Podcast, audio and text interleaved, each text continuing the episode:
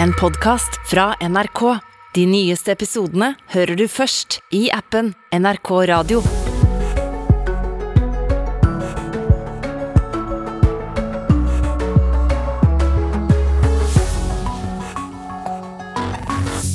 God morgen. Med alle disse melodiene er vi på luften. Nyhetsmorgen, og her er noen av overskriftene våre i dag. Over eh, halvparten av innbyggerne i Viken og nesten like mange i Innlandet vil ha tilbake de gamle fylkene sine. Det viser to ferske meningsmålinger. Vi blir veldig små innenfor det store fylket. Jeg syns det var eh, gedigent. Jeg syns vi skal bryte opp Viken. Fortsatt ingen drahjelp til norsk produksjon av smittevernutstyr. Nå haster det, mener partiet Rødt. Utredninger er underveis. Helsepersonell i nær kontakt med sårbare pasienter gikk flere måneder uten munnbind, fordi vi ikke hadde nok. Og i dag blir osten og melka dyrere. Prisveksten på enkelte varer er venta å bli større enn normalt. Vi er på god vei inn i årets siste vintermåned. Det er 1. februar. Dagen er ung, men øh, vi har to timer her i Nyhetsmorgen. Ida Kjøstelsen og Ugo Fermarello er med deg til klokken ni. Over halvparten av folk som bor i Viken vil ha tilbake gamle, de gamle fylkene sine. Og nesten like mange i Innlandet fylke vil gå tilbake til Hedmark og Oppland. Det viser to ferske meningsmålinger.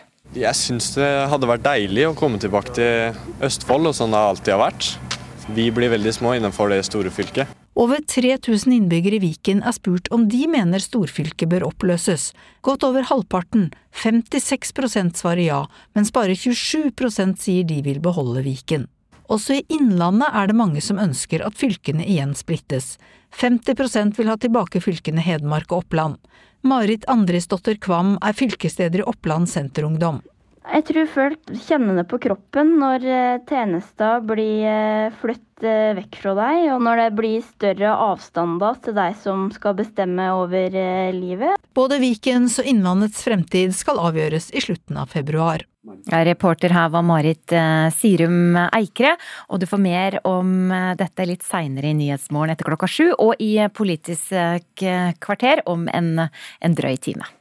Amnesty International, menneskerettighetsorganisasjonen, bruker sterke ord om hvordan Israel behandler palestinere. Det vil komme frem i en ny rapport som blir publisert klokken ti i formiddag. Amnesty beskylder Israel for å håndheve et system som undertrykker både Israel og de okkuperte områdene. Jon Peder Egenes, generalsekretær i Amnesty i Norge. Dere bruker ordet apartheid. Det får selvfølgelig oppmerksomhet og reaksjoner. Hvordan begrunner dere det?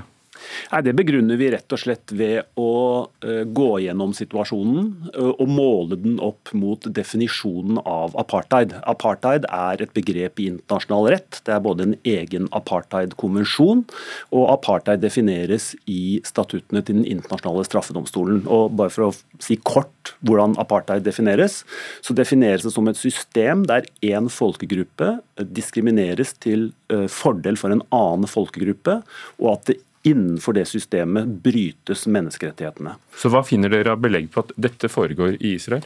Ja, Det finner vi mange uh, belegg på, uh, mange eksempler på. Uh, lovverket som dekker både Israel innenfor grensene fra 1948 og over i de okkuperte områdene, har en klar diskriminering av palestinerne um, på mange områder. Um, det gjelder tilgang til land, det gjelder hvordan politiet behandler dem, det gjelder uh, statsborgerskap, og det gjelder uh, familiegjenforening f.eks. For, eksempel, for palestinere som bor i Israel, slik vi definerer Israel fra 1948. Så det er et system der den ene gruppen diskrimineres, og hvor menneskerettighetene brytes i forbindelse med den diskrimineringen. Og da lever det opp til definisjonen av apartheid. Selvfølgelig har dette allerede avstedkommet reaksjoner. Vi skal høre hva den israelske ambassadøren til Norge sier, men til nyhetsbyrået AFP eh, sier da også utenriksministeren at eh, dette i praksis eh, betyr at dere mener at Israel ikke har rett til å, å, finnes. Og Hvordan ser du for deg, hvordan ser Amnesty for seg at Israel skal bevare sin identitet som en jødisk stat, hvis den gjør alle til borgere av landet? Ja, men her må vi på en måte skille mellom to ting. Israel er en stat som alle andre stater. Og vi har skapt et lovverk, et internasjonalt lovverk som alle stater er nødt til å følge. Det er hele hensikten. Og den beskytter alle borgere i alle land mot diskriminering, mot menneskerettighetsbrudd osv. Og Israel må også måles opp imot det lovverket, og når de bryter det, så må det påpekes. Dette betyr ikke ikke at Amnesty mener at Israel ikke har rett til eksistens. Selvfølgelig ikke, det har Israel. Men Israel må, som alle andre stater, eller den israelske myndigheter må, som alle andre stater, følge internasjonal rett.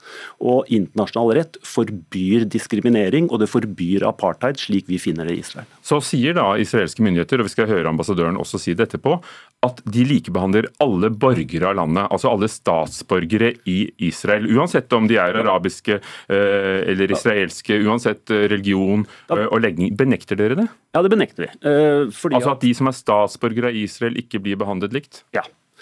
Palestinere i Israel blir ikke behandlet som jødiske borgere av Israel. De har ikke den samme tilgangen til land, f.eks. De har ikke, hvis de gifter seg med en person i de okkuperte områdene, så får de ikke familiegjenforening, det blir ikke statsborgerskap til den personen som kommer inn. Vi så i mai, da det var demonstrasjoner, demonstrasjoner, hvor palestinerne kanskje for første gang på lenge i hvert fall gikk sammen og demonstrerte både i de okkuperte områdene og i Israel mot det som skjedde i Sheikh Darai i Sheikh Jarrah i Øst-Jerusalem, så så vi massearrestasjoner av palestinere i Israel. Eh, de satt alle ganske lenge i varetekt. Hvis vi ser tilsvarende at israelske jøder blir arrestert, så blir de nesten som en regel løslatt. Så det er altså mange eksempler Vi kan ikke ta hele rapporten nå, Egnes, men i, i, i, sent i går kveld så kom også nyheten at Israel avskjediger eh, en 78 år gammel, nei, to offiserer etter at en 78 år gammel palestiner døde av hjertestans i arresten. Og Offiserene får anklager da, for å være eh, moralsk, for moralsk sambrudd og dårlige beslutninger. Viser ikke dette at rettsapparatet i Israel også virker?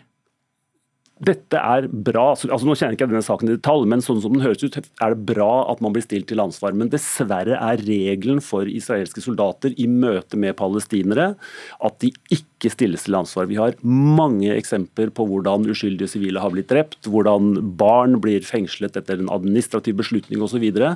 så det er flott at vi får eksempler på at man handler riktig, men det er dessverre ikke regelen. Burde dere ikke samtidig sett på de sivile rettighetene i de palestinsk kontrollerte områdene? Hvordan har sivilbefolkningen det der? Ja, Vi er stadig ute og kritiserer palestinske myndigheter for hvordan de behandler sin egen befolkning. Så, men denne gangen handler det om at vi har over lang tid, gjennom to år, har vi målt den israelske diskrimineringen opp mot apartheid-regelverket og kommet til at det er apartheid i Israel og de okkuperte områdene. Jon Peder Egnes, generalsekretær i eh, Amnesty i Norge. Rapporten blir lagt frem klokken ti, den er internasjonal.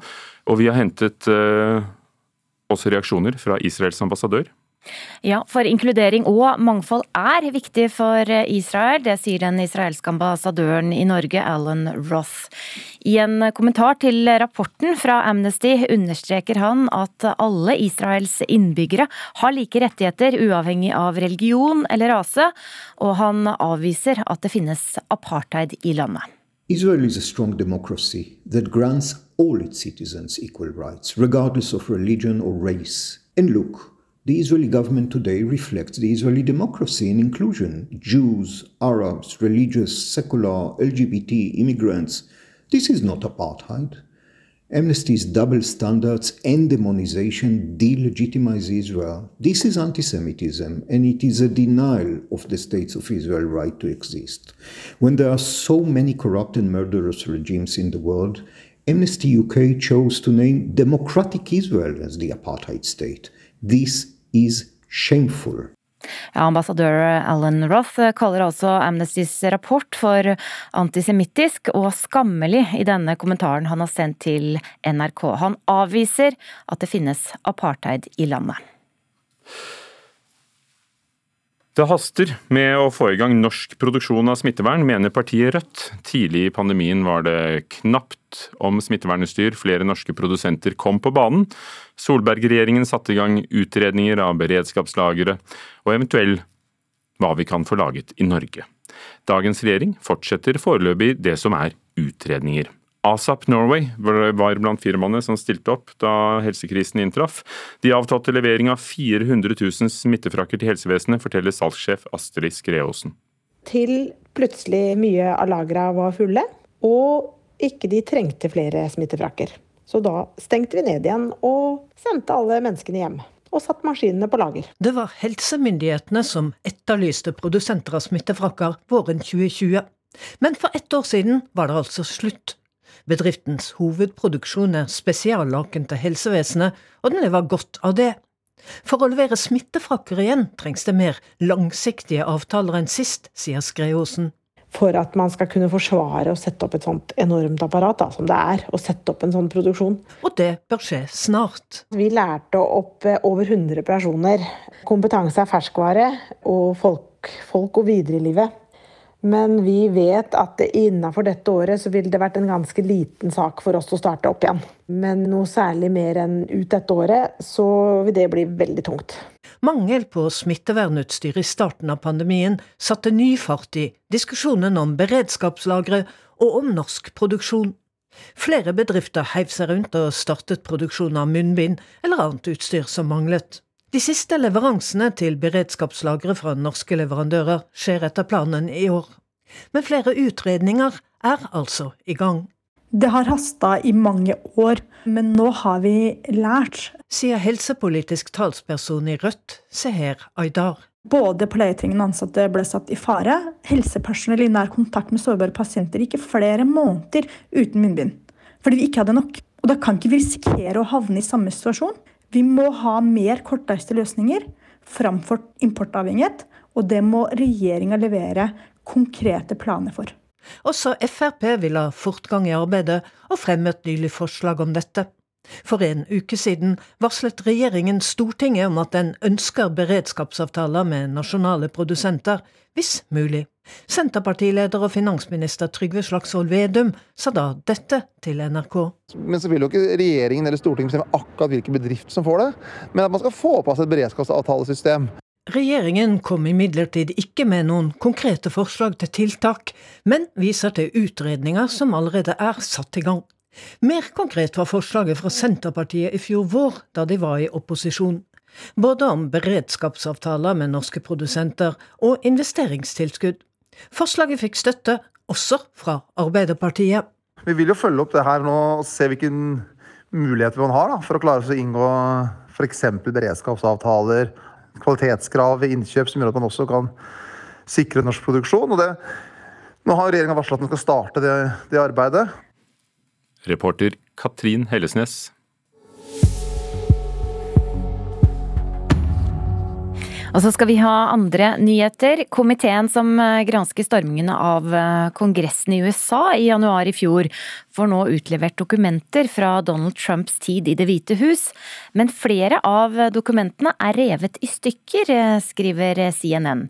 Det er interne notater som var gitt til Nasjonalarkivet, og ifølge arkivet skal dokumentene ha blitt revet, revet i stykker av Trump selv. Så han hadde tydeligvis ikke investert i en makuleringsmaskin, fordi nå kan Eh, da arkivet lime dem sammen igjen. Det er nettopp det de gjør. Og så vil denne komiteen da undersøke om det var kommunikasjon mellom Det hvite hus og Trump-tilhengerne som stormet kongressbygningen. Politiet har avhørt flere ansatte i administrasjonen på Stortinget i forbindelse med etterforskningen av pendlerboligsakene. Fremdeles har ingen status som mistenkte i etterforskningen, det melder TV 2. De første to månedene har eh, politiet brukt på å undersøke Stortingets formelle regelverk knyttet til nettopp eh, bruk av pendlerboliger. Så til den britiske og den polske statsministeren som eh, reiser i dag til Ukraina. Boris Johnson og Mateus eh, skal ha samtaler med den ukrainske presidenten Volodymyr Zelenskyj. Og Temaet er det samme vi har snakket om i flere uker, og som er oppe i FNs sikkerhetsråd, nemlig den russiske militære aktiviteten nær Ukrainas grense. Samtidig skal Ungarns statsminister Viktor Urban møte Vladimir Putin i Moskva om det samme. Så skal vi høre at i dag øker matvareprisene, slik de pleier å gjøre 1.2. Men i år er prisveksten på enkelte varer ventet å bli større enn normalt, bl.a.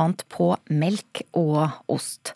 Dette pga. store kostnadsøkninger på flere felt. På Tau i Ryfylke er det flere som synes maten er altfor dyr fra før. Jeg syns maten begynner å bli veldig dyr på enkelte ting. Jeg er jo allerede nede i ganske mye minus pga. strømmen, så jeg trenger ikke at ting er dyrere for meg heller. Jeg er alene med en unge. Men i dag blir maten litt dyrere. Og det er helt vanlig at eh, dagligvarer blir prisjustert 1.2. Forskjellen i år er at prisøkningen på enkelte matvarer er venta å bli større enn normalt. Odd Gisholt er dagligvareekspert og tidligere BI-professor. Ja, Noe som er veldig usikkert i Norge, er jo landbruksoppgjøret til våren. Da. Og det er klart det at eh, på melk og ost kan det nok bli noen prisstigninger. Økte råvarekostnader og andre kostnadsøkninger er bakgrunnen for at beløpet på kassalappen din blir litt større. Men prisøkningen blir ikke så stor som en kanskje har fått inntrykk av tidligere, ifølge dagligvareeksperten. Det kan nok være på enkeltvarer, kaffe f.eks. Der er jo råvareprisene gått veldig opp. Men stort sett så kan eh, forbrukerne fremover mot påske og, mot våren glede seg over sterk konkurranse, og at prisene vil være temmelig konstante. NHO Mat og Drikke organiserer ei rekke mat- og drikkeprodusenter. Administrerende direktør Petter Haas Brubakk sier flere bedrifter rapporterer om kraftig kostnadsøkning den siste tida, f.eks. på energi og logistikk den kan fort slå ut på matvareprisene. Men dersom prisøkningen på enkelte matvarer blir høyere enn vanlig, er ikke alle like negative til det. Ja, Hvis det kom bonden til gode, så kunne det vært dyrere. Men ikke når det kommer butikkene til gode. Og matvarekjedene har til nå ikke ønsket å kommentere hvordan prisjusteringene vil slå ut. Reporter her var Magnus Stokka. Klokken er 6.47. Dette er Nyhetsmorgen i NRK. Over halvparten av innbyggerne i Viken og nesten like mange i Innlandet vil ha tilbake de gamle fylkene sine. I løpet av den neste timen lander norske OL-utøvere i Beijing. Nå venter omfattende testing før lekene starter på fredag. Og i kveld blir det lettelser i koronatiltakene. Norsk ungdom håper å oppleve festivalsommer i år. Det skal ikke så mye mer til enn øl og en eh, flink artist så, og venner, så har man det.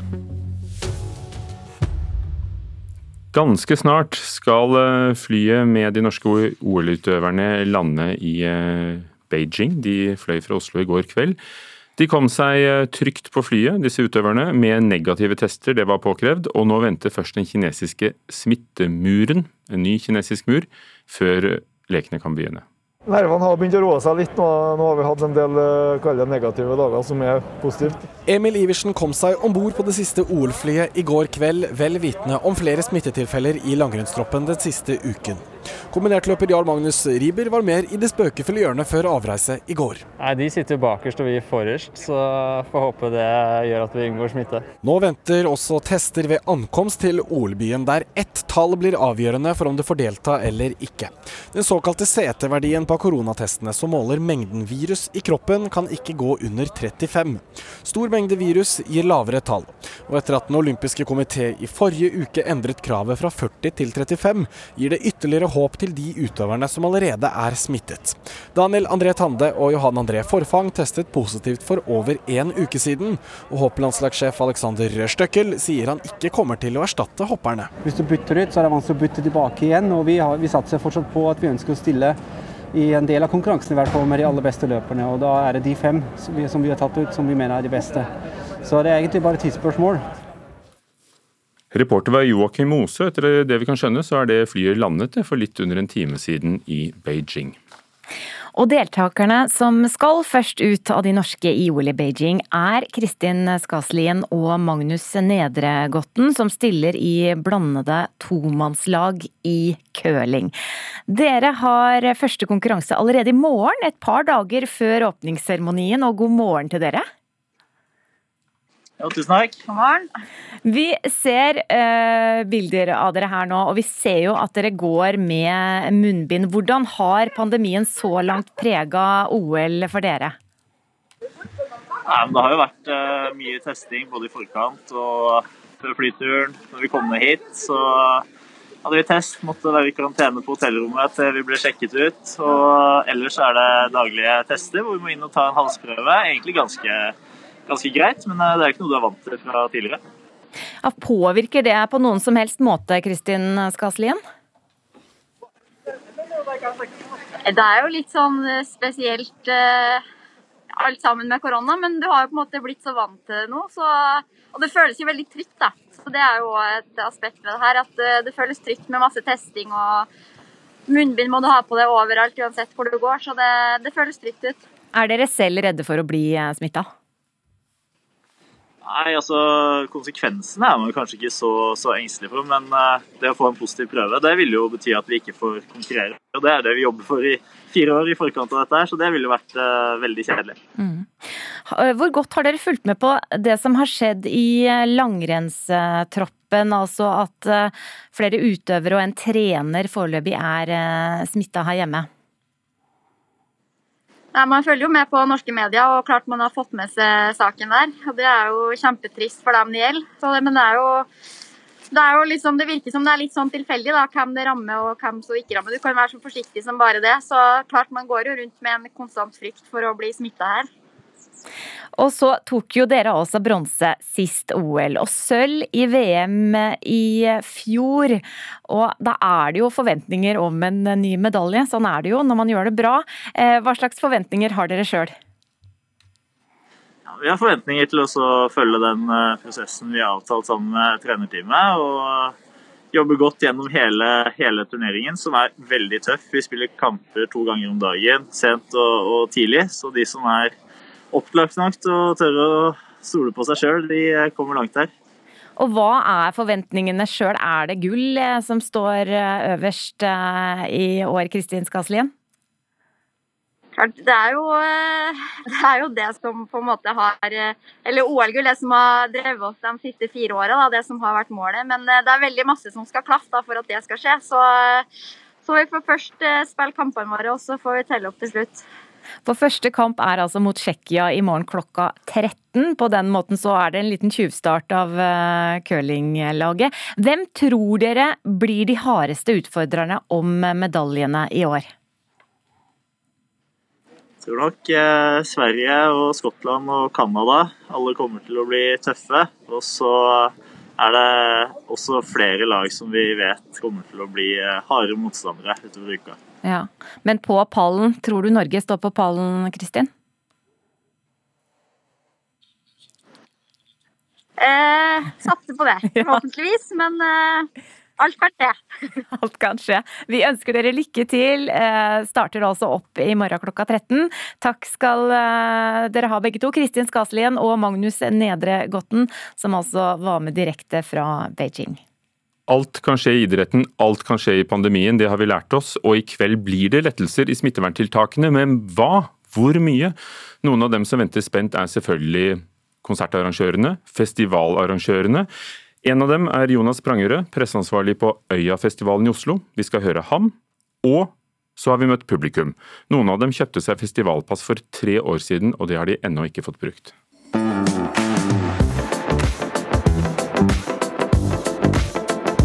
Jeg heter Laura. I fjor så fikk jeg noen billetter til Palmesus i bursdagsgave, og det fikk jeg jo ikke dra på. Det som er gledelig for oss, er jo at flesteparten har valgt å overføre billettene opp i 80% Det betyr at vi har et fantastisk lojalt publikum som veit at vi kommer tilbake. Eh, Victoria Mangeland, 20 år. Hva skal til for at du eventuelt skal kjøpe festivalbilletter? det må vel egentlig være at det blir en ny sånn jevnåpning, sånn som det var nå i slutten av sommeren. Men om det blir det, det er jeg litt usikker på. Ja, Om alle deler av gjenåpninga skjer samtidig, det er kanskje optimistisk. Vi er optimister vi, og tror at man kommer dit uh, før sommeren i hvert fall. Det er mer håp. Jeg har jo mange venninner som allerede har kjøpt. Og jeg har vurdert å henge meg eh, på det, men jeg har avventa litt da, i forhold til at det kan bli veldig begrensa i forhold til hva jeg tenker er en bra festivalopplevelse. Nå har vi jo hatt et langt opphold uten vanlige store festivaler. Men nå er vi i en situasjon med høyere vaksinegrad, mindre alvorlig sykdom enn man har frykta tidligere. Så eh, med de lettelsene i tiltak som kommer nå, så syns jeg alt ligger til rette for at vi skal eh, tilbake til normalen allerede i 2022.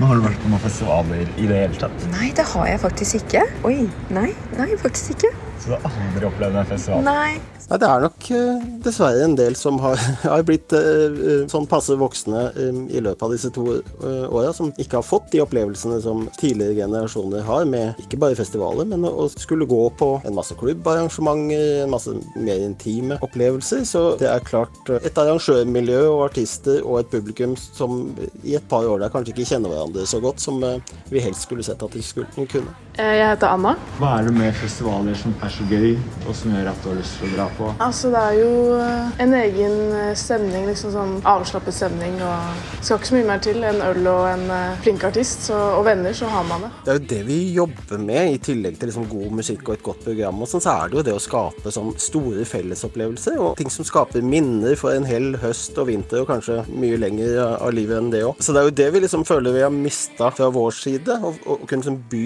publikum på, på de store opplevelsene.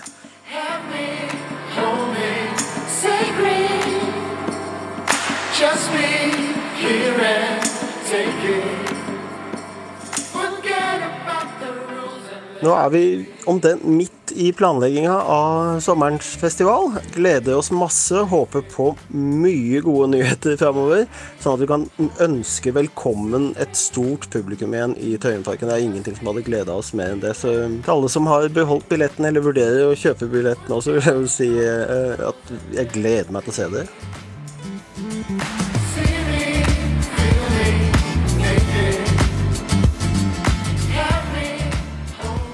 Reporter Siamak Nematpour hadde møtt både festivalgjengere, eller det håper de å bli, og Jonas Prangerød på Øyafestivalen i Oslo.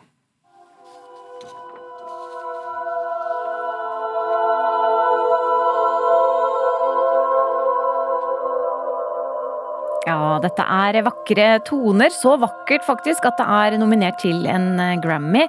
Her hørte vi eh, ensemblet Stemmeklang øve i gravkammeret til Emanuel Vigeland, som var broren til Gustav Vigeland. I dag er det også det store rommet eh, I dag er også det store rommet et museum, der veggene er dekt i fresker.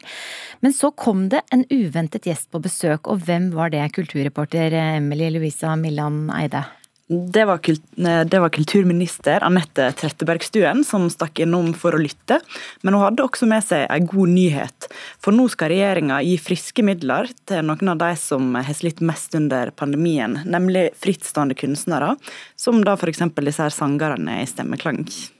300 millioner som skal gå til eh, eksisterende ordninger som treffer eh, enkeltkunstnere eh, godt og raskt. De som ikke er organisert i større grupper, som ikke er arrangører, som ikke nytter godt av kompensasjons- eller stimuleringsordningene, men som holder på for seg sjøl kanskje, eller i mindre grupper, som billedkunstnere, vokalensembler osv. Og 120 av de 300 millionene som kulturministeren snakka om, de er retta mot eh, de utøvende kunstnerne. Og Pengene skal fordeles eh, av Norsk kulturfond, Fond for lyd og bilde og Fond for utøvende kunstnere. Og også Statens kunstnerstipend, eh, som skal, de også skal være med å dele ut disse pengene. Og de skal gi ut 100 midlertidige arbeidsstipend på 100 000 kroner hver. Gode nyheter dette her, da. Takk skal du ha, Emilie Louisa Milan Eide. Takk.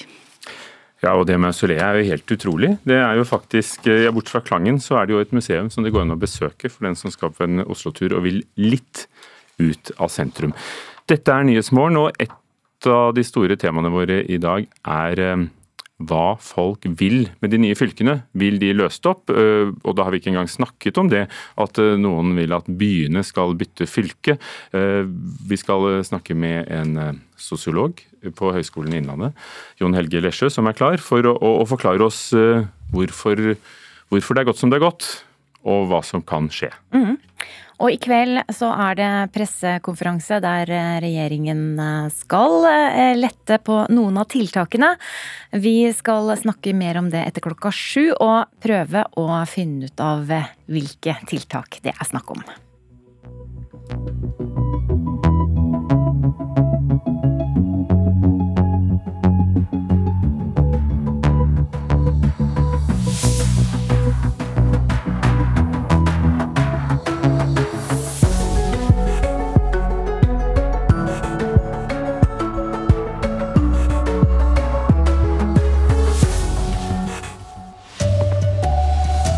NRK Dagsnytt klokka sju. I kveld skal regjeringa lette på koronatiltakene. Det skjer samtidig som at Danmark i dag fjerner alle tiltak, og ikke lenger regner covid-19 som en samfunnskritisk sykdom. Blant folk i Oslo er det stemning for å kutte i tiltakene. Jeg tenker at det er viktig å, å redusere på de, de, de, de, tiltakene. Jeg er veldig klar for å komme meg på kontoret igjen jeg nå. Jeg kjenner Jo seinere vi åpner opp, jo verre blir det på en måte. Så jeg tenker vi må ta det. Ikke skyve det foran oss mer Nei, jeg tenker også bare kjøre på. Hva har vi å tape? Reporter Lars Håkon Pedersen. Folkehelseinstituttet sine scenario om eh, hvordan pandemien skal utvikle seg, har bomma gang på gang. Det syner en gjennomgang Aftenposten har gjort. Framtidsbilder har vært viktige for hva råd FHI skal gi regjeringa. Selv de mest optimistiske scenarioene har vært for dystre. Til avisa sier avdelingsdirektør Line Wold at scenarioene er utarbeidet med usikre forutsetninger, og at tallene de legger fram, derfor også har vært usikre. Amnesty International mener Israel undertrykker palestinerne på en systematisk måte. Det kommer fram i en rapport som menneskerettsorganisasjonen publiserer i dag. Generalsekretær i Amnesty Norge, Jon Peder Egenes, mener det er apartheid i Israel.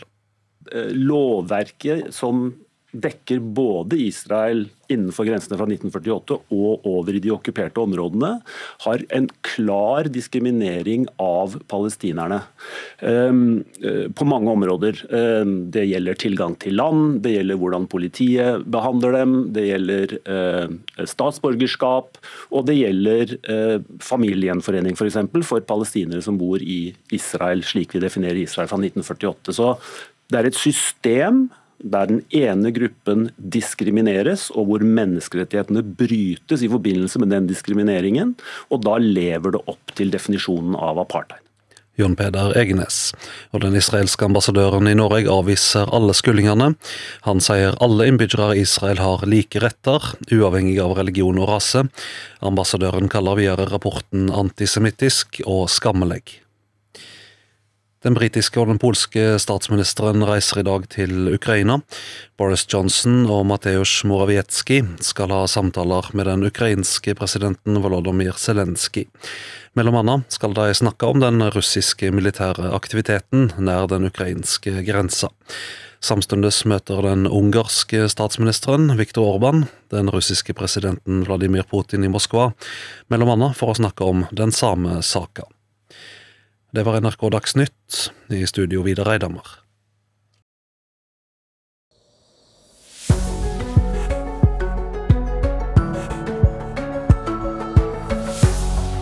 Klokka er tre minutter over sju, og du følger Nyhetsmorgen.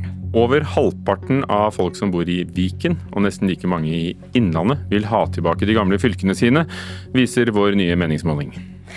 Og i kveld blir det lettelser i koronatiltakene. Viktig og riktig, sier vanlige folk vi har snakka med. Jeg er veldig klar for å komme meg på kontoret igjen, jeg nå. Jeg tenker også bare kjøre på. Hva har vi å tape? Men hva kan vi vente oss da på denne pressekonferansen? Vi skal eh, prøve å få flere svar om litt. Ida Kjøstelsen og Ugo Fermariello i Nyhetsmorgen i NRK P2 og på NRK1. Over halvparten av folk som bor i Viken vil ha tilbake de gamle fylkene sine.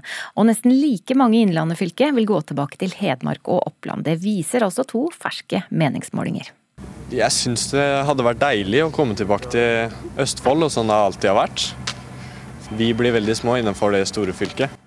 Over 3000 innbyggere i Viken er spurt om de mener storfylket bør oppløses. Meningsmålingen er gjort av Norstat for NRK og A-media. Godt over halvparten, 56% svarer ja, mens bare 27% sier de vil beholde Viken. Nei, jeg syns det var eh, veldig gedigent. Det kunne, behøvde ikke slått sammen. Jeg syns vi skal bryte opp Viken. Tilbake til det gamle Østfold. Også i Innlandet er det mange som ønsker at fylkene igjen splittes. 50% vil ha tilbake fylkene Hedmark og Oppland. Det viser en meningsmåling som er gjennomført av Sentio for NRK og flere lokalaviser. Marit Andrisdotter Kvam er fylkesleder i Oppland Senterungdom. Jeg tror folk kjenner, kjenner, det på kroppen når eh, tjenester blir eh, flyttet eh, vekk fra deg, og når Og når det blir større avstander til deg som skal bestemme over livet. De unge er mest ivrige etter å splitte storfylket Innlandet. I den ferske meningsmålingen svarer 65% av de under 30 ja på spørsmålet om de vil splitte Innlandet. Ungdommen har sett at de to årene vi nå har hatt muligheten til å desentralisere tjenester i et nytt fylke, ikke har hatt noen effekt. Fordi at store system gjør mennesker små. Jeg tror dette er en sak som for veldig mange handler om eh, hva man er vant med. Sier fylkesleder i Innlandet Unge Høyre Fredrik Feiler. Vi kommer jo fra Hedmark og Oppland, men jeg tror eh, det rett og slett bare er noe eh, som er litt nytt. Men for meg så handler faktisk ikke denne debatten om verken hva fylket heter, hvor stort det skal være, eller hvor eh, skiltene skal stå, men det handler faktisk om tilbudet til befolkningen. Som busstilbudet, som skoletilbudet, som vei. Og det mener jeg har blitt bedre med Innlandet, da. Å løse opp storfylkene har imidlertid en pris. Ifølge en rapport vil kostnadene for en oppløsning av Viken bli mellom 310 og 440 millioner kroner. Det er det mange som er skeptiske til. Nei, jeg syns det er bortkasta penger. Ja, 300 millioner det er en del penger. Det kan jo brukes på andre ting enn å splitte opp eh, Viken, ikke sant. Både Vikens og Innlandets fremtid skal avgjøres i slutten av februar sa reporter Marit Sirum Eikere. Men hva sier du, har du en mening om dette, da altså de sammenslåtte fylkene bør splittes opp igjen? Da kan du bare være med å diskutere på våre nettsider nrk.no, der går debatten allerede.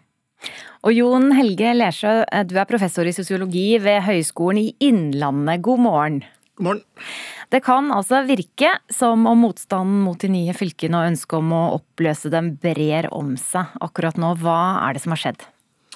Nei, utgangspunktet nå er jo at de fylkene som ble slått sammen mot sin vilje, da, har fått en mulighet innen utgangen av februar måned til å ta opp i fylkestinget om de vil løse seg opp igjen. Derfor så har saken kommet på, på dagsorden veldig aktuelt nå. Da. Og Noe av bakgrunnen her er jo at de aller fleste syns at uh, de reformene på regionnivå vi fikk, var uh, ikke så bra. De samsvarer ikke med på en måte de identitetsregioner som folk føler tilknytning til. Og de fikk heller ikke de oppgaver som en så store fylker skulle tilsvare. Derfor så er det på mange som ønsker, og de har også lovd det i valgkampen, å løse opp igjen disse fylkene. Mens da som det kom fram her, så mange mener at nå er det gjort, og derfor så blir eh, det viktig å på en måte ta utgangspunkt i det som er, da, og ikke bruke tid, krefter og penger på å løse det opp igjen. Og Der står på en måte posisjonene nå, da fram til fylkestingene skal avgjøre det i slutten av måneden. Mm, og så ser vi at dette engasjerer på våre sider nrk.no, der debatten nå går. Hvorfor er det et sånt eh, engasjement for eh, dette her, tror du?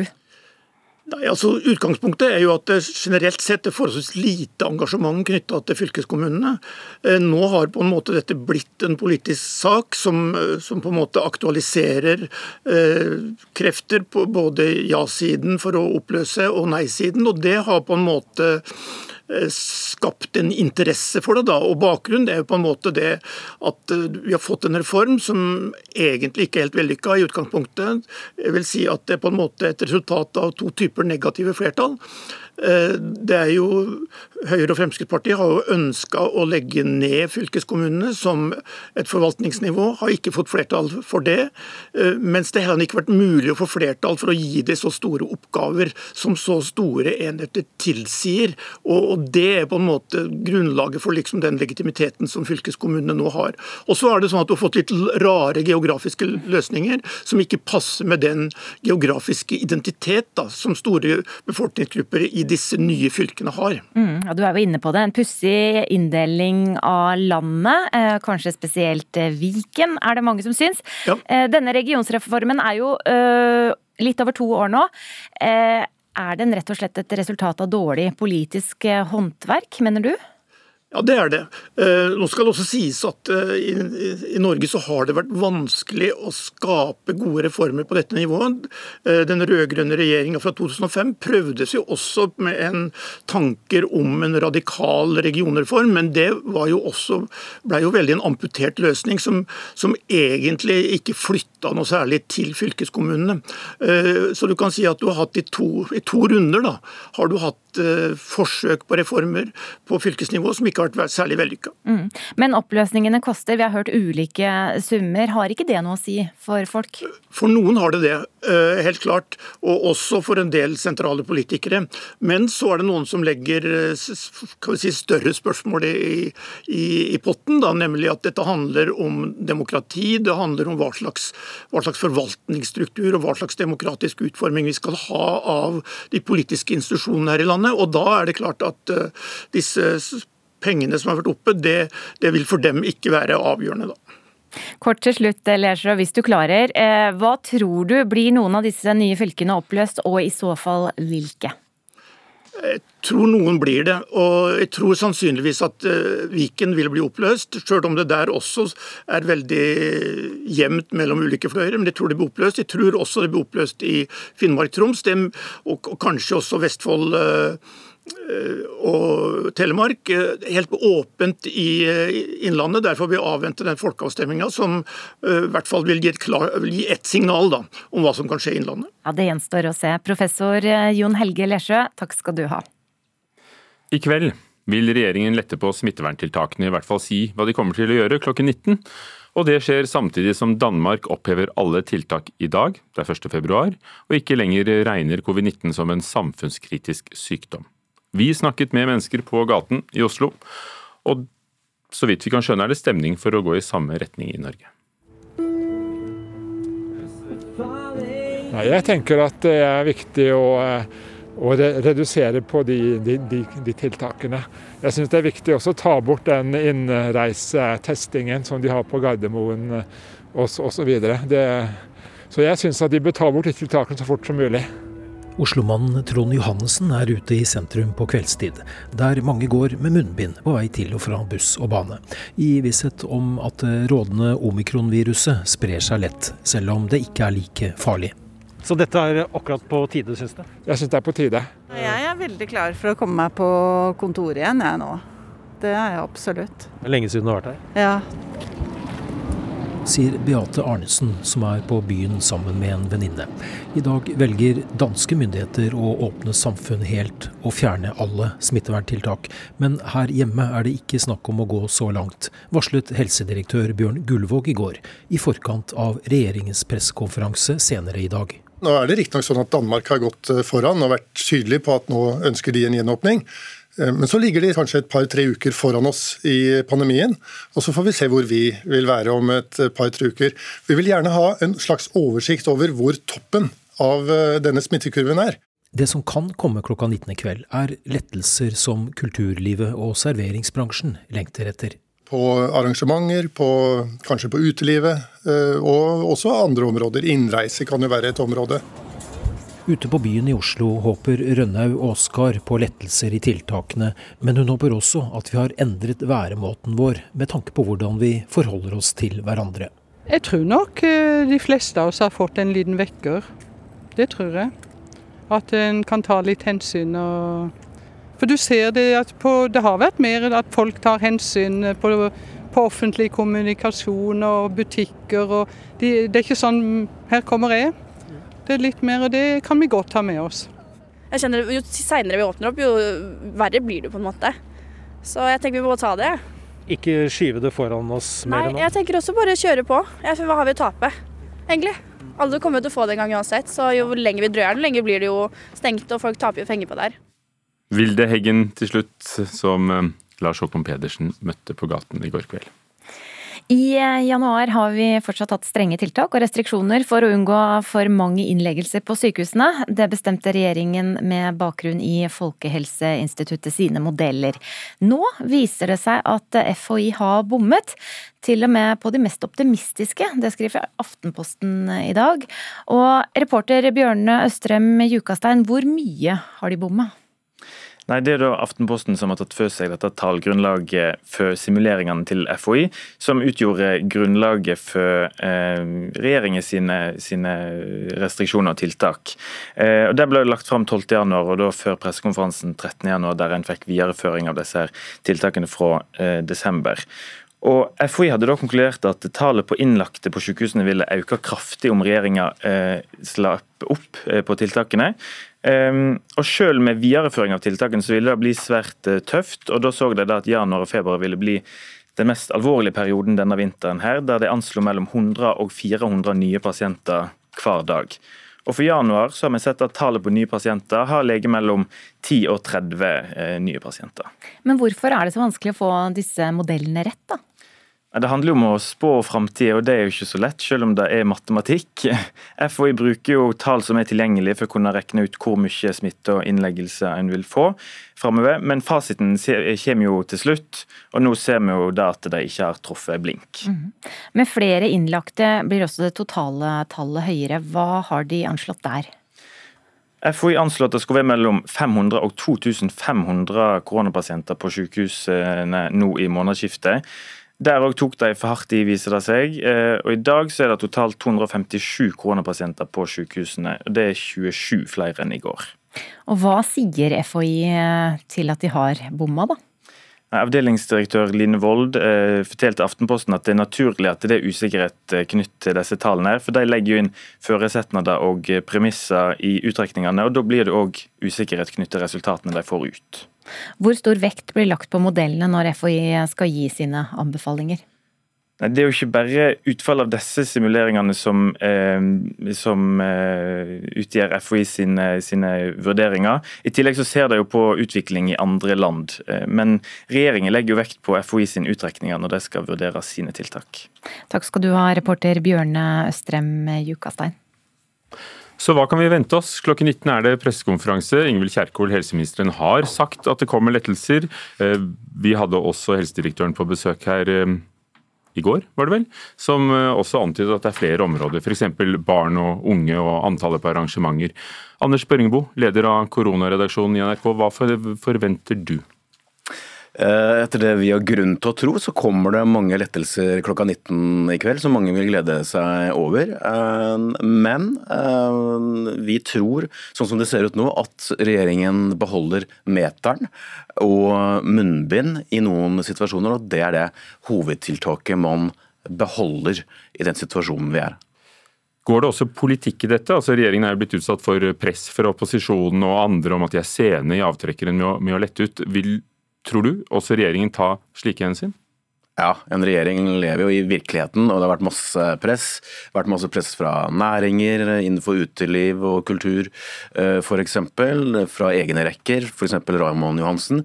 Så her er det jo regjeringen under press til enhver tid for å gjøre ting. men man holder altså igjen, kan du si, på et viktig punkt, nettopp eh, med dette med meteren som man ikke fjerner. Hvis, eh, hvis disse, denne pakken blir liggende slik som det ser ut nå, så blir det stående.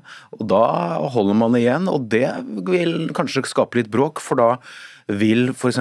konsertscener, teatre osv. måtte leve med den meteren videre, og da kan det bli bråk, som vi vet. Det er jo fort sånn at vi hører de som protesterer, og vi har hørt også i løpet av sendingen her i Nyhetsmorgen i dag folk som gleder seg og mener at når det er på tide, slipp det løs, la oss få det, uh, få det overstått. Men er det også motstemmer? Er det også de som eh, vil tenke at vi bør holde igjen, at det er bra at vi har holdt igjen så mye?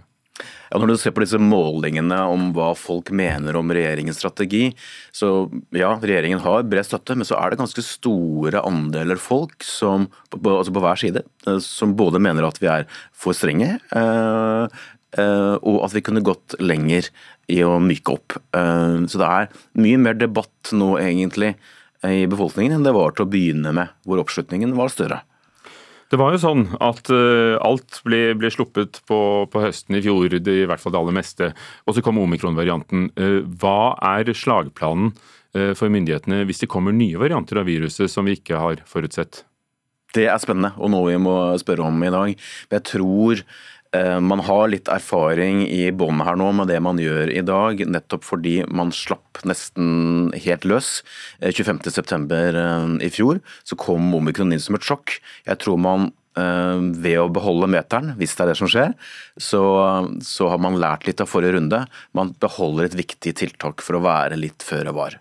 Hvert land har sine løsninger. I Østerrike er det fra, fra nå av eh, påbud om eh, vaksinasjon. Andre land krever vaksinepass for å delta på arrangementer. Er Norge et, et strengt eller ikke strengt land i europeisk sammenheng? Vi har vel ligget sånn i midten, vil jeg tro. Eh, det som er litt spesielt med Norge, er at dette med koronasertifikat tok veldig lang tid, og egentlig aldri har kommet opp eh, å stå, som mange andre land har, eh, har brukt, og som nordmenn har opplevd på ferie ute i Europa. Der har vi vært sene til dels, mange utredninger, og det har ikke kommet. Og det er nok en forskjell fra mange land ellers i Europa. Takk. Anders Børringbo, leder for koronaredaksjonen her i NRK. Klokken 19 er det pressekonferanse.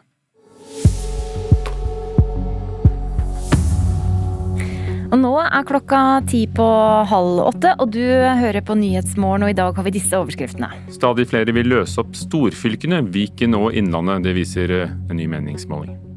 Og I går hadde Norge sin siste dag som leder av FNs sikkerhetsråd. I dag tar Russland over stafettpinnen. Straks oppsummerer vi Norges tid som leder av rådet. Vi skal møte noen som har levd en fjerdedel av livet med koronapandemi. Tredjeklassinger som lurer på om verden noensinne kan bli som før, hvis de i det hele tatt husker det. Ja, kanskje det går vekk, men kanskje 20 eller 30 år, så kanskje det roer seg veldig godt ned.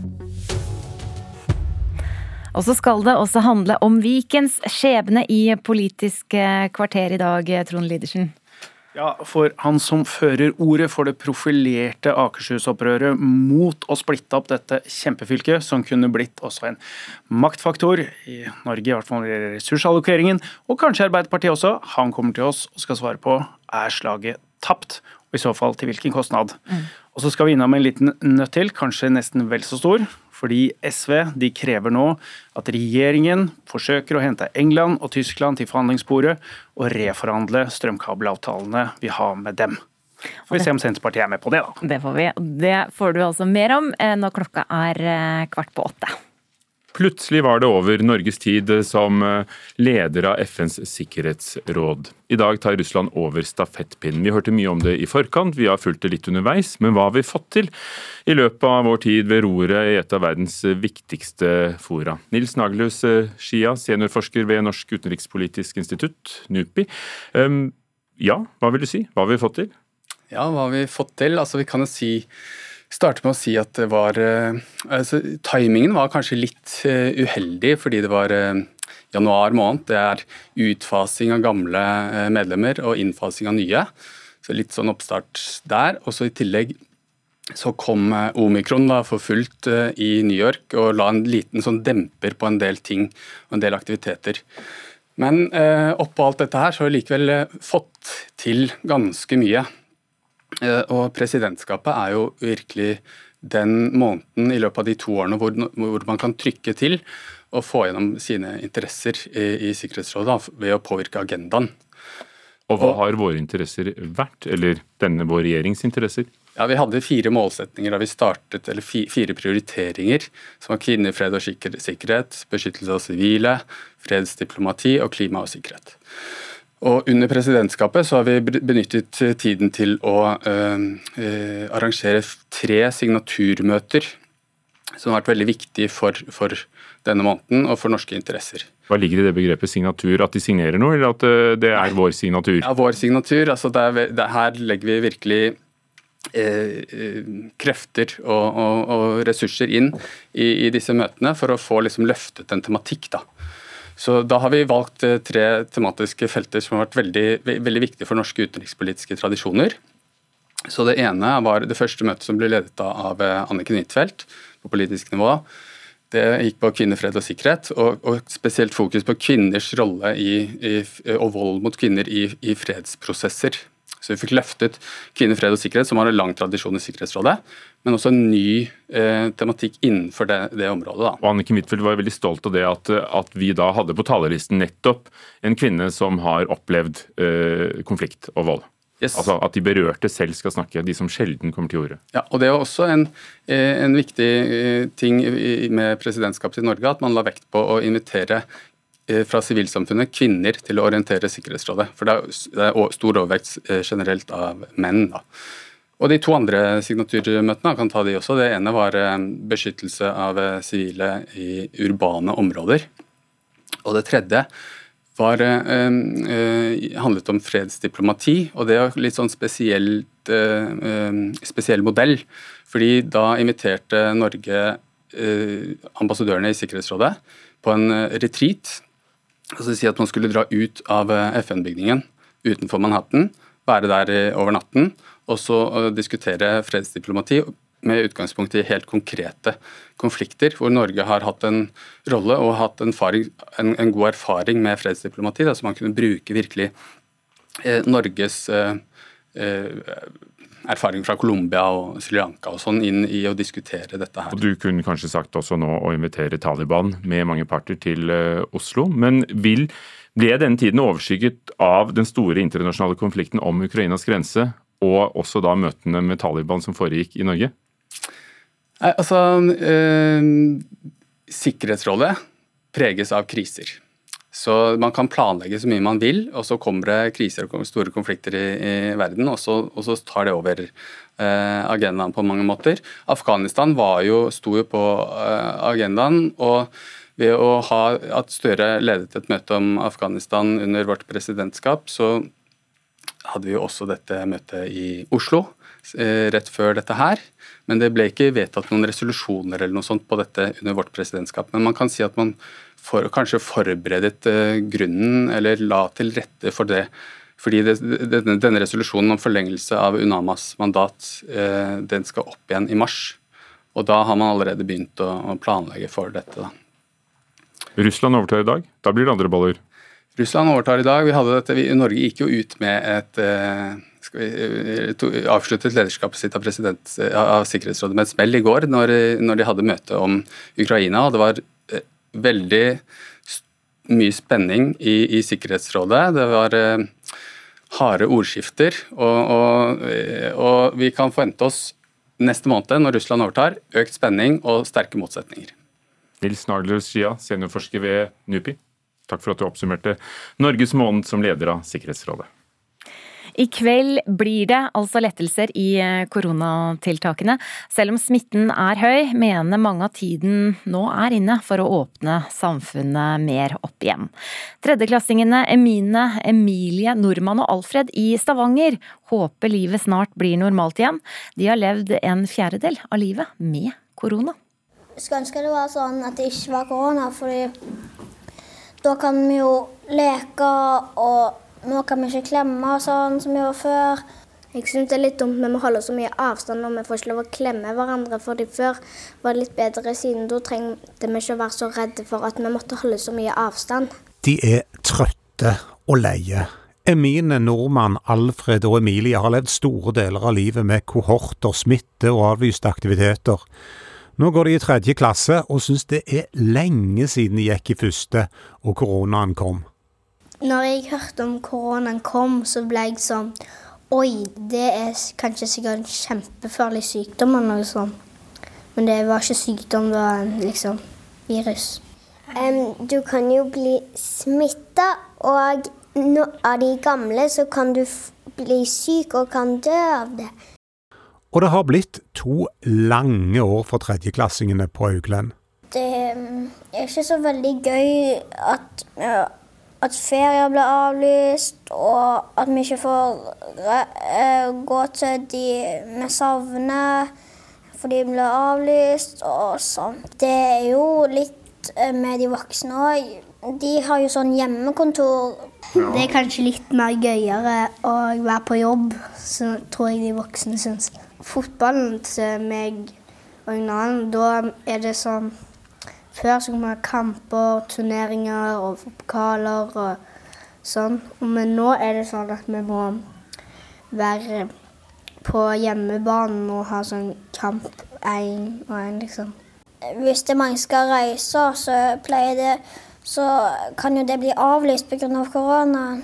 Og det var akkurat det som skjedde med meg. Jeg hadde tenkt å gå fly til Sverige. Og farfaren min, pappaen til min pappa, er svensk. vi har ikke sett han på to år nå. Oi. Så um, da vil vi gjerne besøke Sverige en gang. R-tall, delta, omikron, kohort. Tredjeklassingene på Augland de har fått med seg det meste. Om det var, om det var delta òg?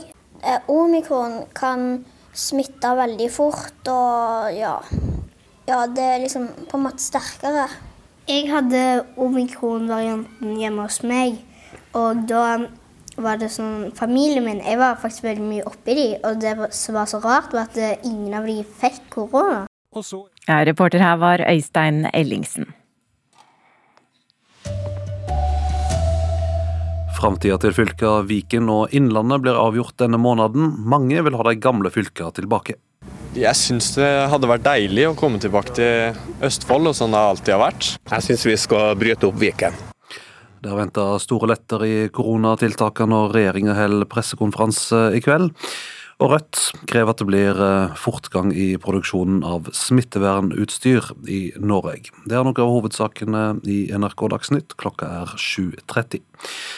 Over halvparten av folk som bor i Viken vil ha tilbake de gamle fylkene, og nær like mange i Innlandet vil gå tilbake til Hedmark og Oppland. Det syner to ferske meningsmålinger.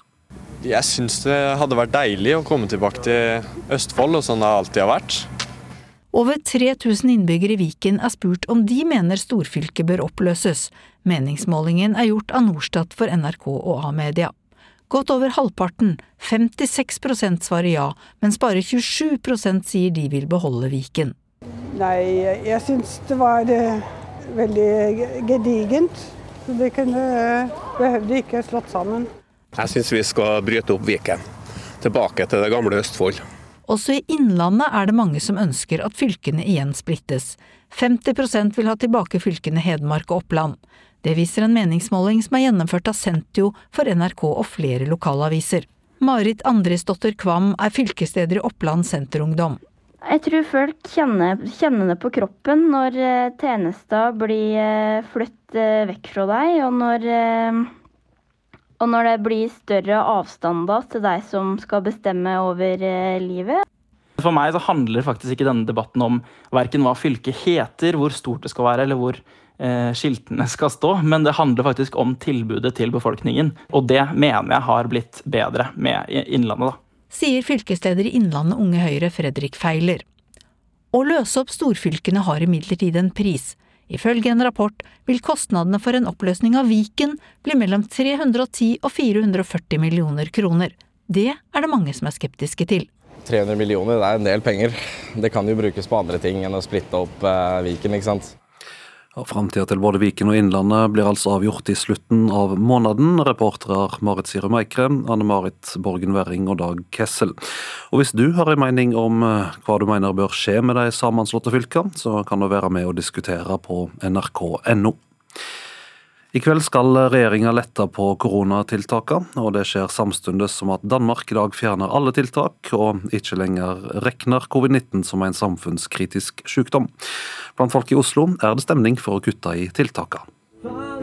Jeg tenker at det er viktig å og redusere på de, de, de, de tiltakene. Oslomannen Trond Johannessen er ute i sentrum på kveldstid, der mange går med munnbind på vei til og fra buss og bane, i visshet om at det rådende omikronviruset sprer seg lett, selv om det ikke er like farlig. Jeg er veldig klar for å komme meg på kontoret igjen, jeg nå. Det er jeg absolutt. Det er lenge siden du har vært her? Ja sier Beate Arnesen, som er på byen sammen med en venninne. I dag velger danske myndigheter å åpne samfunn helt og fjerne alle smitteverntiltak. Men her hjemme er det ikke snakk om å gå så langt, varslet helsedirektør Bjørn Gullvåg i går, i forkant av regjeringens pressekonferanse senere i dag. Nå er det riktignok sånn at Danmark har gått foran og vært tydelig på at nå ønsker de en gjenåpning. Eh, men så ligger de kanskje et par-tre uker foran oss i pandemien. Og så får vi se hvor vi vil være om et par-tre uker. Vi vil gjerne ha en slags oversikt over hvor toppen av eh, denne smittekurven er. Det som kan komme klokka 19 i kveld, er lettelser som kulturlivet og serveringsbransjen lengter etter. På arrangementer, på, kanskje på utelivet, eh, og også andre områder. Innreise kan jo være et område. Jeg kjenner Jo seinere vi åpner opp, jo verre blir det på en måte. Så jeg tenker vi må ta det. Ikke skyve det foran oss mer nå? Nei, jeg tenker også bare kjøre på. Hva har vi å tape? Vilde Heggen til reporter Lars Håkon Pedersen. Og Det er altså venta at mange koronatiltak blir letta på i kveld. En av bransjene som er spente på hva regjeringa kommer med, er festivalarrangørene. NRK har snakka med folk som kjøpte festivalpass for tre år siden, som de fremdeles ikke har fått brukt. Og Jonas Prangerød, som jobber med Øyafestivalen i Oslo, håper de får brukt billettene i år.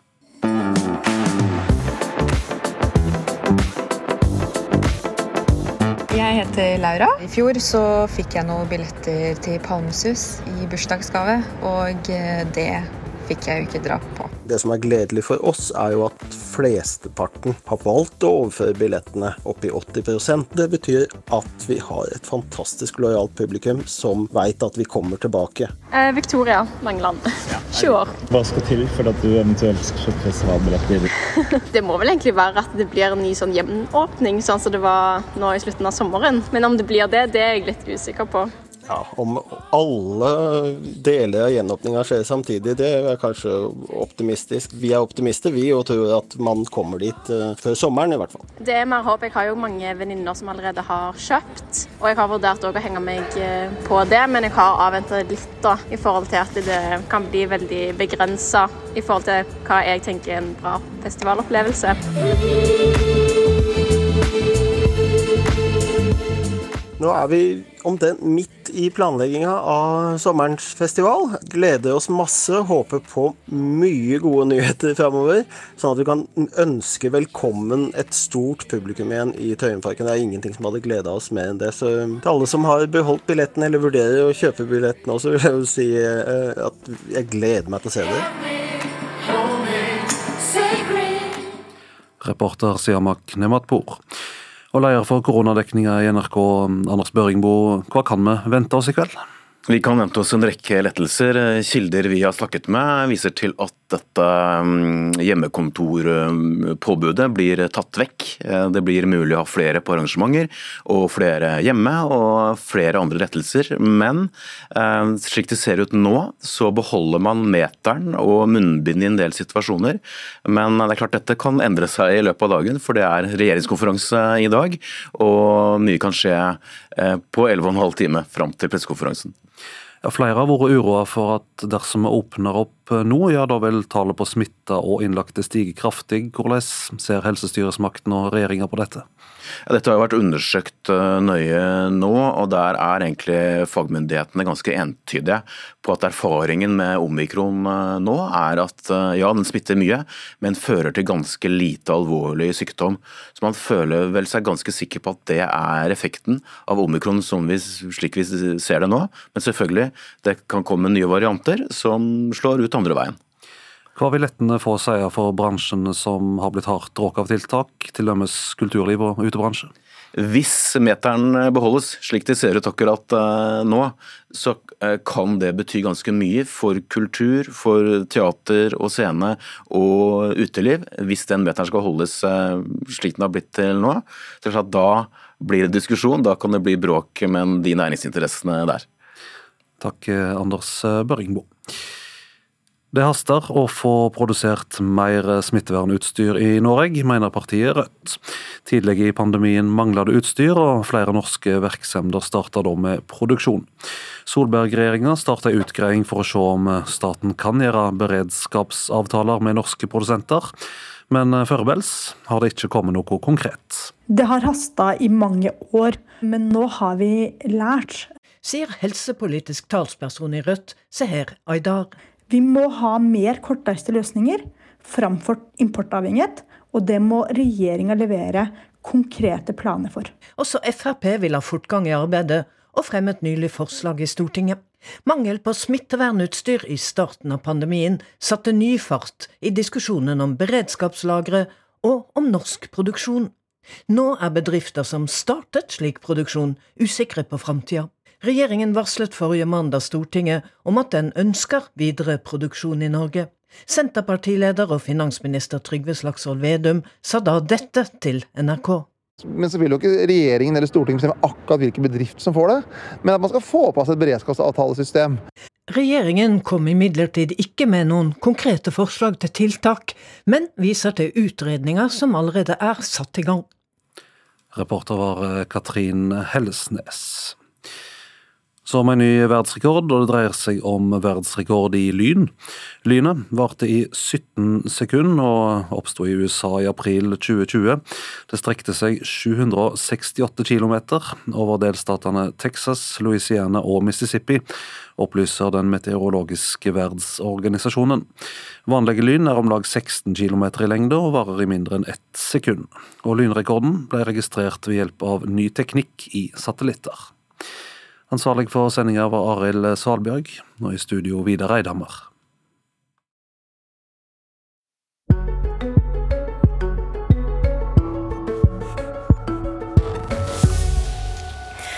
Og her skal vi høre at nordmenn strømmer til eh, klatresentrene landet rundt. Idretten har eh, på kort tid blitt superpopulær. Et av stedene man merker det godt, er i eh, Tromsø. Her skal det nå skapes nye muligheter for klatrere å boltre seg. Så her blir senteret vårt, da. Hele den salen som vi ser her, og deler av andre etasjen som eh, ser opp her. Thomas Meling viser frem de gamle postlokalene i Tromsø. Deler av disse skal nå bli til et buldreparadis. Buldring er en form for klatring som foregår på lave vegger. Eh, vegger som er så lave at vi ikke trenger tau for å sikre oss. Eh, Istedenfor så bruker vi tjukkaser og matter som vi kan lande på da, når man faller eller hopper av fra toppen. Det er et behov og et ønske og et marked om økt tilbud til innendørs buldring i Tromsø. Ehm, har vært, Klatresporten generelt har vært i kraftig vekst. Iallfall alle de 20 årene jeg holder på med det.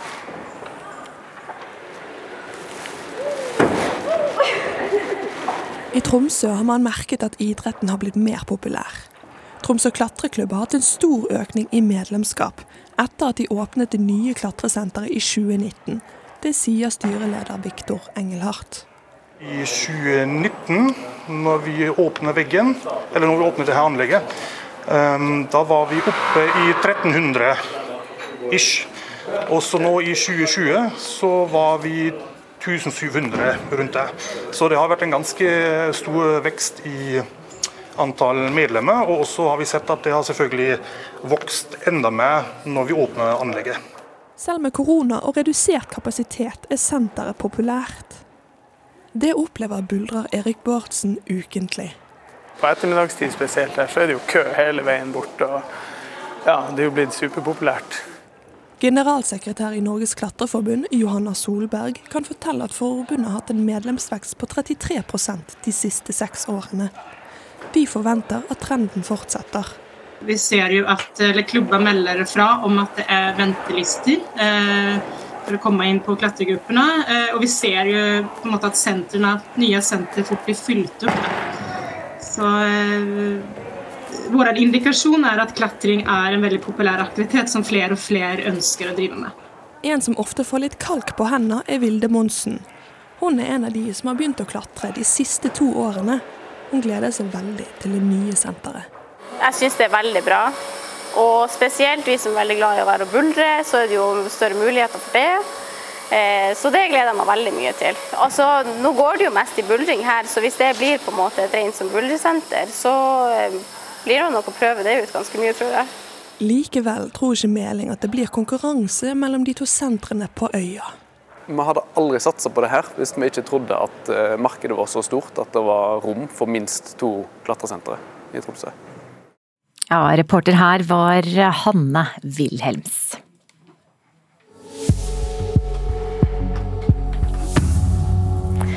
Du eh, følger Nyhetsmorgen. Straks blir det Politisk eh, kvarter her, men før det skal vi ta med noen av overskriftene våre i dag. Stadig flere vil løse opp storfylkene Viken og Innlandet. Det viser to eh, nye ferske meningsmålinger. Og i kveld ventes eh, lettelser i koronatiltakene. Viktig og riktig, sier vanlige folk vi har snakka med. Jeg er veldig klar for å komme meg på kontoret igjen, jeg nå. Jeg tenker også bare kjøre på. Hva har vi å tape? Ja, fortsatt ingen drahjelp til norsk produksjon av smittevernutstyr. Nå haster det, mener partiet Rødt. Utredninger skal være underveis. helsepersonell i nær kontakt med sårbare pasienter gikk flere måneder uten munnbind, fordi vi ikke hadde nok. Og i dag øker matvareprisene. I år er prisveksten på enkelte varer venta å bli større enn normalt. Blant annet er det på varer som melk og ost. Og etter klokka åtte så skal vi høre at den viktigste dirigentjobben i Norge, det sier vår musikkanmelder om jobben som musikksjef på Den Norske Opera Ballett. Den har stått ledig i mange år, og i dag får du møte han som får den. Men nå blir det Politisk kvarter ved Trond Lydersen.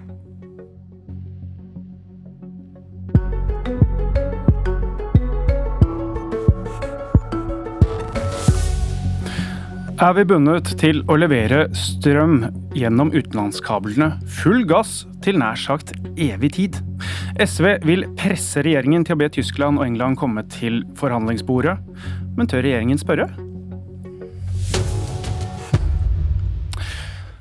Men først til en annen kamp. Kampen om storfylket Vikens skjebne som avgjøres endelig denne uka.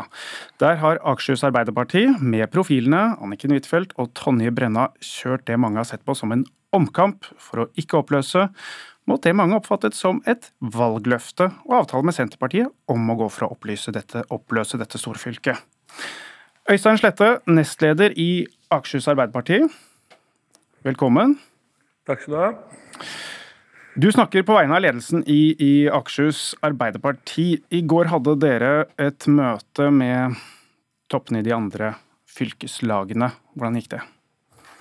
Eh, det gikk slik at de ble enige om at man skal ha en intensjon om å løse opp Viken fylkeskommune. Intensjonen høres kanskje litt rart ut, men men, eh, men, dette her er da noe som vil bli tatt videre til representantskapet i Akershus i, i, dag. Det samme som for en måned siden sa at man ønsket å oppløse Viken. Hvor man vil be om tilslutning til å, å, å prøve å finne den beste løsningen for Akershus i en slik oppløsning. Betyr det i praksis at tilbaketoget er i gang, dere har tapt?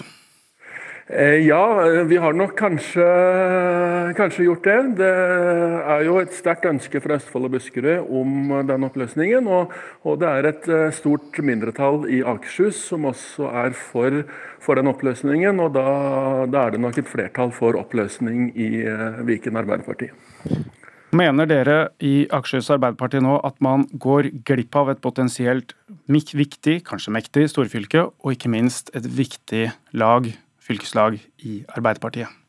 Eh, fylkeslaget i Viken eh, ville på en måte ikke blitt noe av, fordi vi ville beholdt Akershus, Østfold og Buskerud. Eh, også fordi det er valgkretser til Stortinget. Så, så partimessig så ville organisasjonen vært den samme. Men, men i forhold til produksjon av kommunale, nei, fylkeskommunale tjenester og, å være en foregangsfylkeskommune i forhold til videregående skoler og kollektivtransport og, og alle tjenestene som fylkeskommunen produserer, så er det absolutt slik at vi går glipp av det.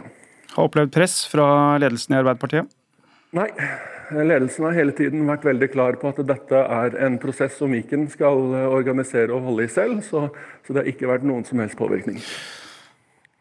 Tusen takk, Slette. Og dette avgjøres jo da endelig på lørdag. Og politisk kommentator Lars Nehru Sand, har dette skadet Arbeiderpartiet? Ja, det tror jeg det har, fordi det har eh, skapt stor frustrasjon internt i partiorganisasjonen på, eh, på Østlandet. Det har eh, sett veldig dumt ut og uforståelig ut eh, utad, og det har skada Arbeiderpartiets samarbeid med Senterpartiet både regionalt og nasjonalt i regjering. Så er det ikke sikkert at konsekvensen av det blir særlig langvarig, men det viser nok en gang et, et parti som ikke nødvendigvis klarer å ordne opp i ting internt, men som, eh, hvor det blir store eh, konflikter også i, i mediene av, av, ting som burde være ganske lett å ordne eh, på kammerset. Du skriver i en ytring på nrk.no nå den ganske slagferdige og hårete overskriften 'Selv et makkverk kan bli verre'. Hva, hva, hva er det som underbygger en såpass kraftig påstand? Og Det er Støre som har kalt hele regionreformen fra eh, Erna Solberg et makkverk, fordi reformen ikke flytta noen tjenester ned til fylkeskommunene, og fordi eh, man eh, ikke hadde en veldig konsekvent inndeling av disse fylkene. Så det er noen som er veldig små fortsatt, og det er noen som ble veldig veldig store, både i areal og i innbyggertall. Og det gjorde hele situasjonen vanskeligere. Poenget er at det Støre selv nå gjør, eh, eller tillater at skjer, eh, det er egentlig akkurat det samme. At du får en regionreform hvor det ikke flyttes oppgaver, eh, og hvor det er ganske tilfeldig hvilke fylker som såkalt reverseres eller ikke. Og hvor det er veldig tilfeldig hvordan kommunene fordeles hvis de skal få lov til å bytte mellom fylker, noe veldig mange, kanskje spesielt rundt Akershus, ønsker å gjøre. Og Det gjør at vi får en tilfeldig reform. Vi får ikke nødvendigvis den mest ideelle inndelingen av østlandsområdet som kan produsere de beste tjenestene og få mer makt nærmere eh, folk. Og Da syns ikke jeg at det ser ut som at denne reformen blir noe bedre, den blir bare nesten reversert. Eh, ikke engang det, fordi det allerede er gjort endringer i strukturen her som, som ligger fast. Du tegner et bilde av hele regiondebatten nå som noe som har på en måte sporet av. Hvordan kan det spore på igjen? Spørsmålet er om det gjør det, eller om det vi egentlig får, eh, spesielt inn mot neste stortingsvalg, heller er en debatt om hele mellomnivåets eh, berettigelse, og om man eh, skal fjerne fylkeskommunene som folkevalgt organ. Vi hører jo her at Akershus Arbeiderparti selv sier at nå ser slaget ut til å være tapt. Er dette helt endelig? Er det noen annen utvei enn at Viken oppløses nå? Nei, nå har vi jo hatt et, eh, en prosess gående i flere dager hvor dette handler om at Akershus Arbeiderparti skal tape minst mulig ære, og det skal se ut som at Viken Arbeiderparti eier denne eh, prosessen selv. og Det har vært viktig for eh, Arbeiderpartiet. Det skal være et nytt møte mellom de tre fylkeslagene på torsdag, hvor da man forbereder dette møtet på lørdag, hvor det vil bli enstemmig vedtatt fra Arbeiderpartiets side, og dermed også være flertall i fylkestinget for at Viken skal oppløses. Tusen takk, Lars Nehru Sand. Og er du nå blitt hekta på storfylker, så kan du gå inn på nrk.no og bli med i nettdebatten. Er det riktig å opplyse, oppløse fylkene? Men helst vent til etter SV-lederen her, som er på vei inn i studio, har pekt på regjeringen og krevd at de noe i en annen storkonflikt, nemlig den som gjelder strømkablene og de høye strømprisene vi har opplevd de siste månedene. SV-leder Audun Lysbakken, du krever aksjon fra regjeringen når det gjelder kablene, og spesielt de til England og Tyskland. Hva er det du krever? Nei, Vi mener at det er riktig nå av regjeringen å søke dialog med de landene vi har kabler til, for å uh, få til en reforhandling av betingelsene. Uh, det er jo uh, sånn at det er markedskreftene som herjer med folk i Norge denne vinteren. Det er priser som har løpt eh, løpsk. Det grunnleggende problemet er at eh, det kun er markedet som eh, styrer prisen på strøm. Kablene er en del av det. Det som skulle være utvekslingskabler, kan ikke tillates å i perioder bli rene eksportkabler.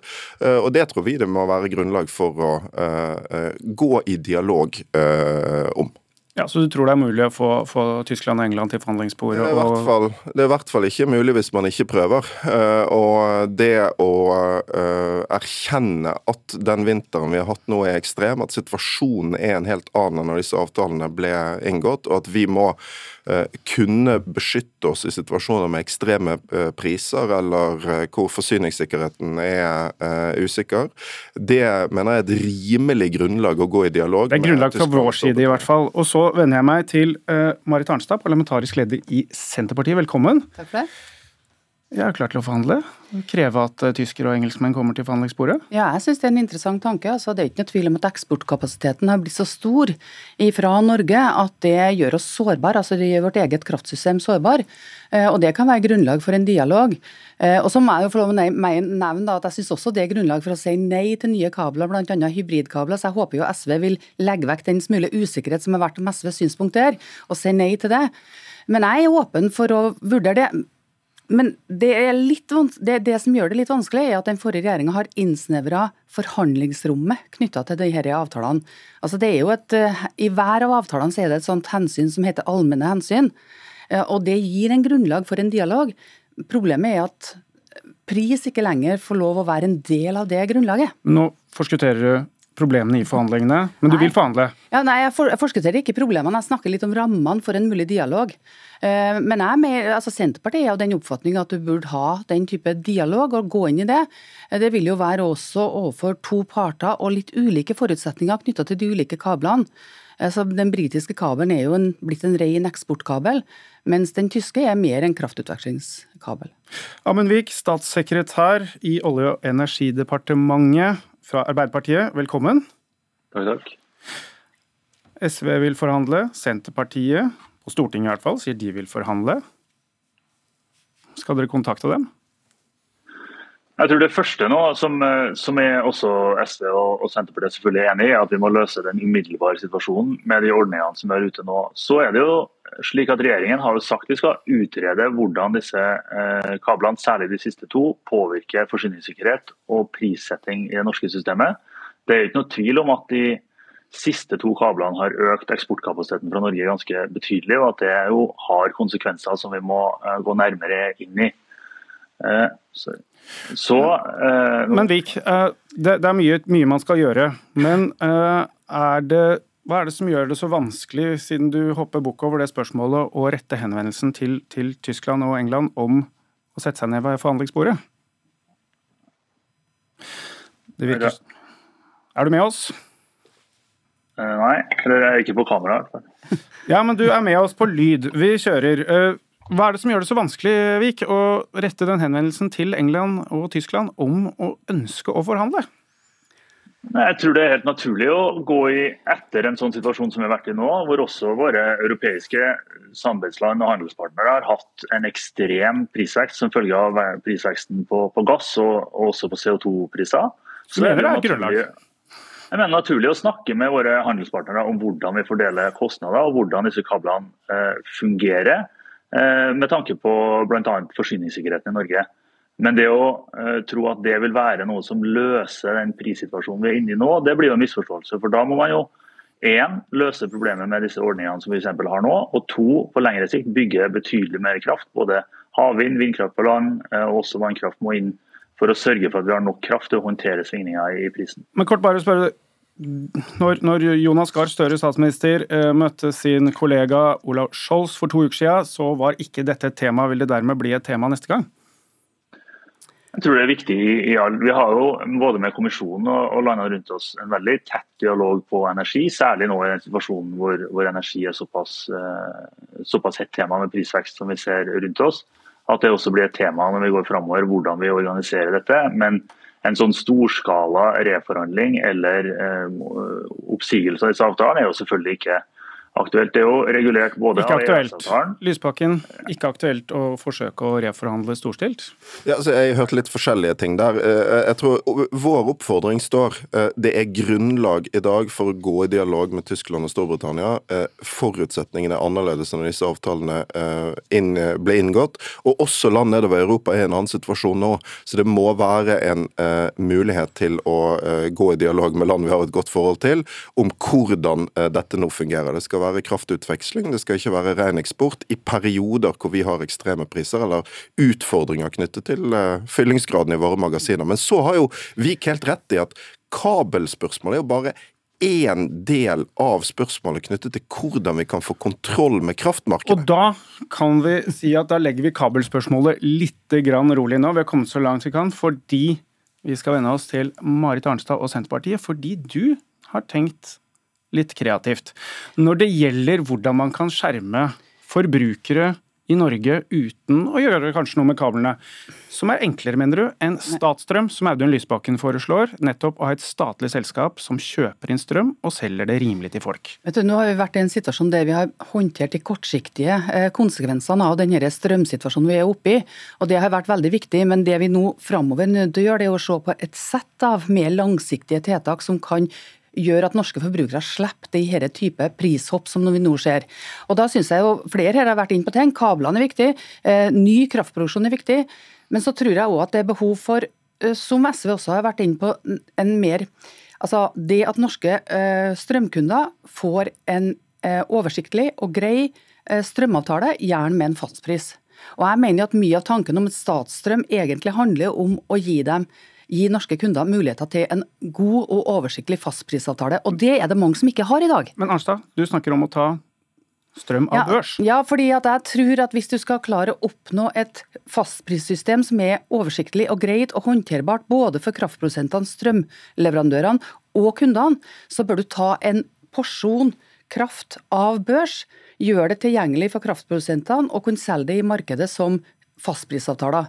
Og så må du samtidig selvsagt rydde opp i hos en del av strømleverandørene, fordi de i dag driver er sånn bonanza-greier som ikke er veldig bra. Kort kommentar på det, Vik. Er det en mulighet? Ta noe av børs?